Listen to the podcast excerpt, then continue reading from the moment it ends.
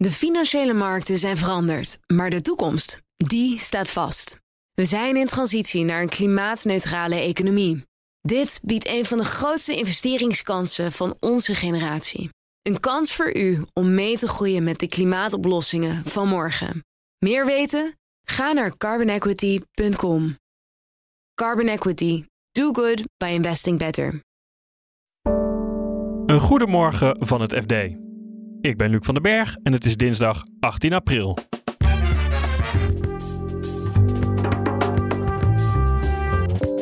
De AFM wil niet dat private equity partijen geld pompen in de accountancy. Maar ze zeggen nu wel dat de kwaliteit mogelijk in gevaar kan komen als je zo'n investeerder hebt. Dus je weet dat je wat hoger op de prioriteitslijst richt. De rust is terug op de gasmarkt en dat doet de prijs zakken. Het is nog steeds wel hoger dan het gemiddelde over de afgelopen 10 jaar bijvoorbeeld. Maar ja, het is toch wel een, weer een halvering ten opzichte van vorig jaar.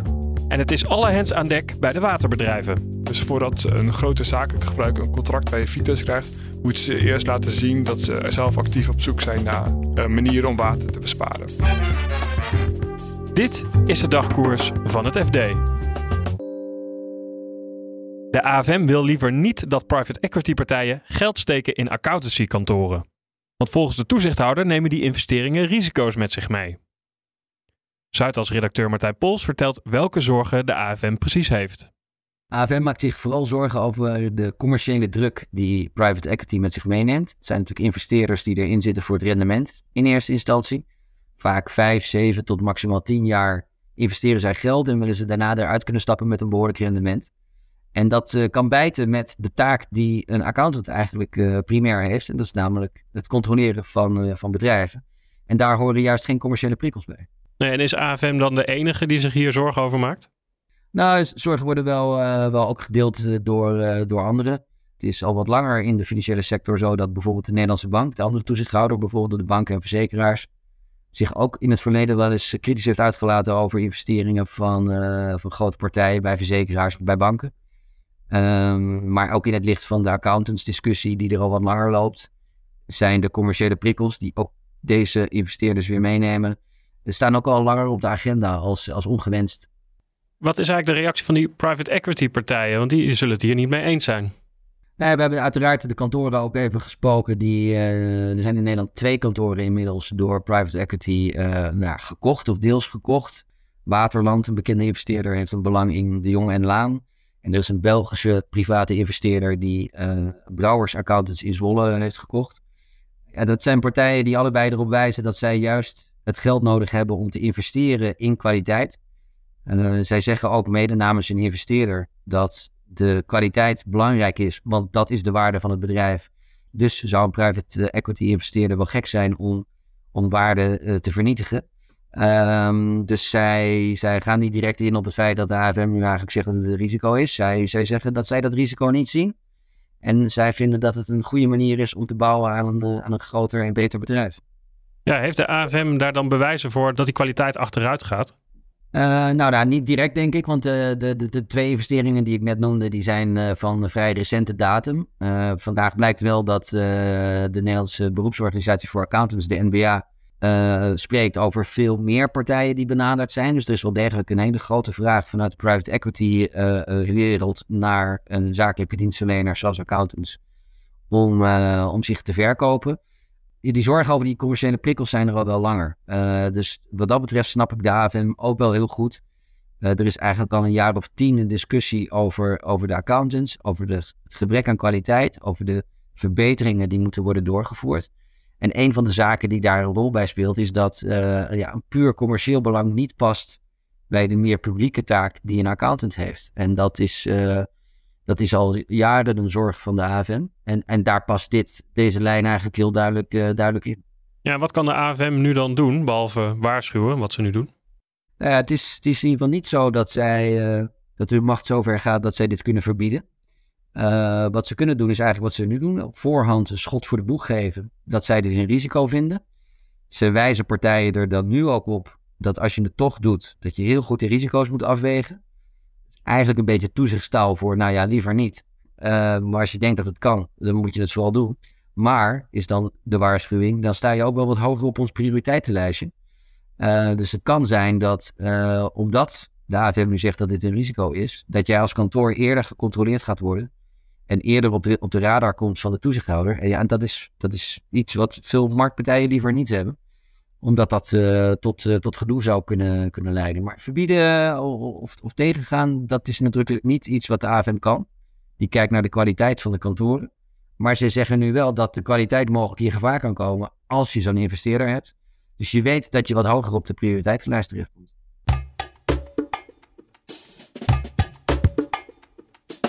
Een jaar geleden was de gasprijs nog torenhoog als gevolg van de oorlog in Oekraïne. Maar nu lijkt de rust weer teruggekeerd op de gasmarkt. Je hoort energieredacteur Bert van Dijk. Hij legt uit waarom de zorgen nu een stuk minder zijn. Nou ja, het is inderdaad wat rustig. En dat merk je uh, vooral eigenlijk aan de energieprijs die een stuk lager ligt. En ja, hoe dat komt, uh, ik denk dat er uh, vorig jaar natuurlijk net de oorlog was uitgebroken. Dus er was een soort crisissfeer en er waren grote zorgen. Maar de overheden hebben ja, een aantal maatregelen genomen uh, en die hebben wel effect gehad zou je kunnen zeggen. En daardoor is de, nou ja, die rust wat, wat teruggekeerd. Dus wat minder zorgen over de toekomst. Die zijn er nog wel, maar niet meer zo groot als vorig jaar. En welke rol heeft onze eigen consumptie daar dan in gespeeld? Uh, de industrie en ook de consumenten hebben uh, minder gas verbruikt. Dat, en uh, met name Nederland heeft toch wel veel meer dan gemiddeld minder gas verbruikt. En dat is dan met name in de industrie die ja, fabrieken hebben stilgelegd of minder hebben geproduceerd. En daardoor is de gasvraag ook teruggelopen. Ja, en dat ook samen met nou ja, het milde weer in de afgelopen winter heeft er ook voor gezorgd dat er minder vraag naar gas was. En wat betekent dat dan voor de gasprijs? Uh, nou ja, de gasprijs die staat nu op, op ongeveer de helft van wat die vorig jaar stond. en dat was ja, eigenlijk nog voordat die prijs nog verder ging oplopen. Uh, dus ja, dat is de, de, helft van vorig jaar. Is nog steeds wel hoger dan het gemiddelde over de afgelopen tien jaar bijvoorbeeld. Maar ja, het is toch wel een, weer een halvering ten opzichte van vorig jaar. Ja, vorig jaar waren ook grote zorgen hè, of we die gasvoorraden wel genoeg gevuld konden krijgen. Zijn die zorgen dan nu helemaal weg? Nou ja, niet helemaal, maar het is, ja, net als eigenlijk net als vorig jaar was ook de afgelopen winter weer vrij mild. Dus we hebben niet een hele strenge winter gehad. Dat betekent dat er ja, minder gas eh, nodig was om, uh, voor verwarming van huizen. Uh, dus we zijn die winter als Europa en ook als Nederland uh, doorgekomen met meer gas in de ondergrondse bergingen. Dus die zijn nog best wel goed gevuld. Als je bijvoorbeeld kijkt naar, naar Nederland, uh, waar we, nou, we hebben een aantal grote gasbergingen. Die zitten nu voor ongeveer 60% vol. Terwijl, ja, normaal gesproken is dat echt een stuk lager. En vorig jaar zelfs, uh, ik geloof, iets van 20%. Dus dat, en, en in de zomer, dan is het traditionele vulseizoen. Dus dan heb je minder gas nodig. Maar dan gebruiken we die tijd om de gasbergingen weer bij te vullen voor de volgende winter. Ja, en daar hoef je dus nu eigenlijk maar een stuk minder uh, van te vullen dan, dan vorig jaar. En dat is ook wel belangrijk, omdat we nu natuurlijk geen uh, Russisch gas meer willen gebruiken of kunnen gebruiken. Dus we moeten dat ergens anders vandaan halen en dat is natuurlijk lastiger. Dus het is heel fijn dat we niet, uh, zoals vorig jaar, een hele grote hoeveelheid gas nodig hebben of ergens vandaan moeten halen om die bergingen te vullen. Waar halen we dat gas dan nu vandaan als het niet uit Rusland komt? Nou ja, er komt nog steeds wel wat vanuit Rusland, maar dat is dan vloeibaar gas. Ehm, gek genoeg, wat, dat blijft maar uh, komen nog steeds. Maar dat, ook dat zal op een gegeven moment wel weggaan, verwacht ik.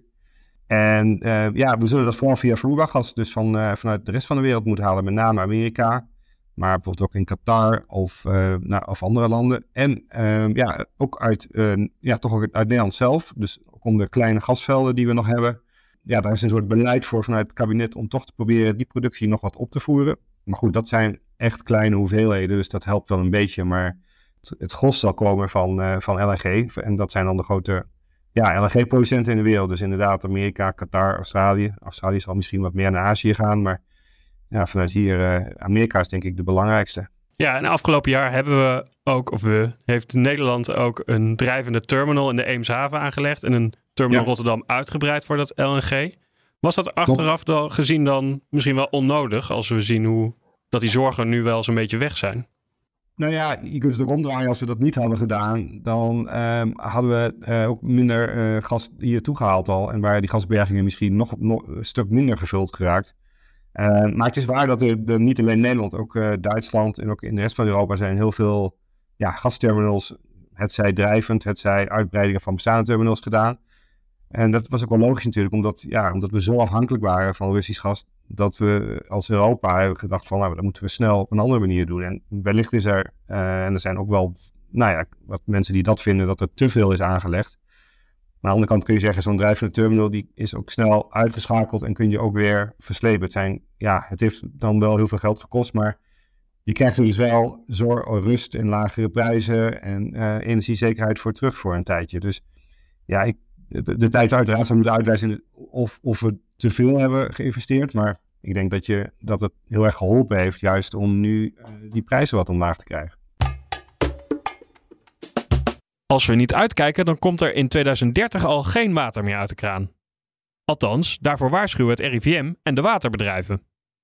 Om dat te voorkomen moet er fors geïnvesteerd worden.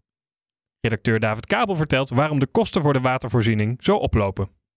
Ja, het water is steeds vervuilder geraakt en daarom moet een nieuwe zuiveringstechniek worden ingezet. Bijvoorbeeld zuivering met membraan. Dat is een heel krachtig middel, maar dan blijft er wel een concentraat over met extra veel verontreiniging. En die verontreiniging, dat concentraat kan niet zomaar geloosd worden. Dus ook de afwerking daarvan, dat kost uh, geld en energie. Uh, daarnaast uh, moeten ze op zoek naar nieuwe waterbronnen. En je kan niet overal zomaar een gat boren in de grond en water winnen. Dus ook dat kost geld. En daarnaast uh, zal de piekvraag stijgen door de warme zomers. En uh, om aan die piekvraag te kunnen voldoen, hebben ze grotere wateropslagplaatsen. Bijvoorbeeld uh, bazins. En ook die moeten gebouwd worden. En ja. dat kost ook geld. Dus dat is in die piek in de zomer, als iedereen zijn zwembad wil vullen. Precies. Dat zijn allemaal factoren waar, ja, die gewoon allemaal geld kosten natuurlijk. Ja. Hoe gaan die waterbedrijven dat dan betalen? Ja, ze gaan de waterprijzen verder verhogen, maar dat zal niet genoeg zijn. Uh, en daarnaast moeten ook nieuwe regels komen. Daarvoor zijn de waterbedrijven nu in gesprek met het ministerie van Infrastructuur en Waterstaat. Uh, want op dit moment zijn waterbedrijven gebonden aan strenge regelgeving over winst. En daardoor kunnen, hebben ze ook uh, moeite om bij banken extra geld te lenen om die investeringen te, te doen. Ja, en je zegt al van, nou ja, ons water wordt waarschijnlijk wel duurder. Hoe zit dat dan in vergelijking met andere landen? Ja, Nederland betaalt alsnog wel relatief weinig, vergelijking met andere Europese landen de waterbedrijven en het RIVM waarschuwen nu dus van nou, misschien komen we straks op een punt dat er geen water of geen drinkwater meer uit de kraan komt. Kunnen we dan niet gewoon wat minder gaan gebruiken met z'n allen? Ja, absoluut. Ze zijn nu ook bezig met een plan om de uh, waterconsumptie in Nederland 20%, 20% te verlagen. Dat geldt zowel voor consumenten als voor bedrijven.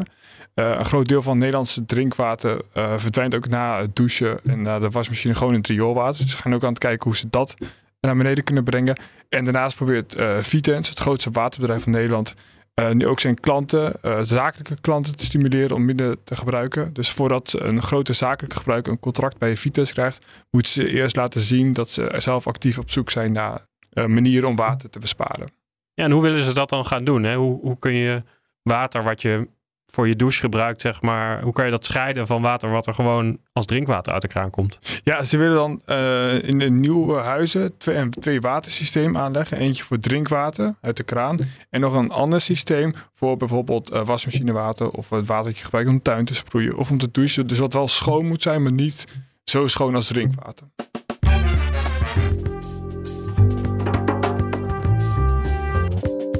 Dit was de dagkoers van het FD. Morgen zijn we er weer met een nieuwe aflevering. En ondertussen lees je het laatste financieel-economische nieuws in onze app. Voor nu nog een hele fijne dag en graag tot morgen.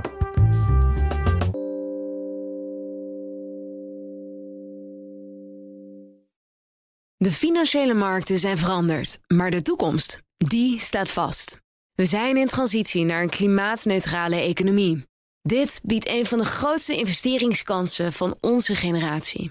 Een kans voor u om mee te groeien met de pioniers van morgen. Meer weten? Ga naar carbonequity.com. Carbon Equity. Do good by investing better.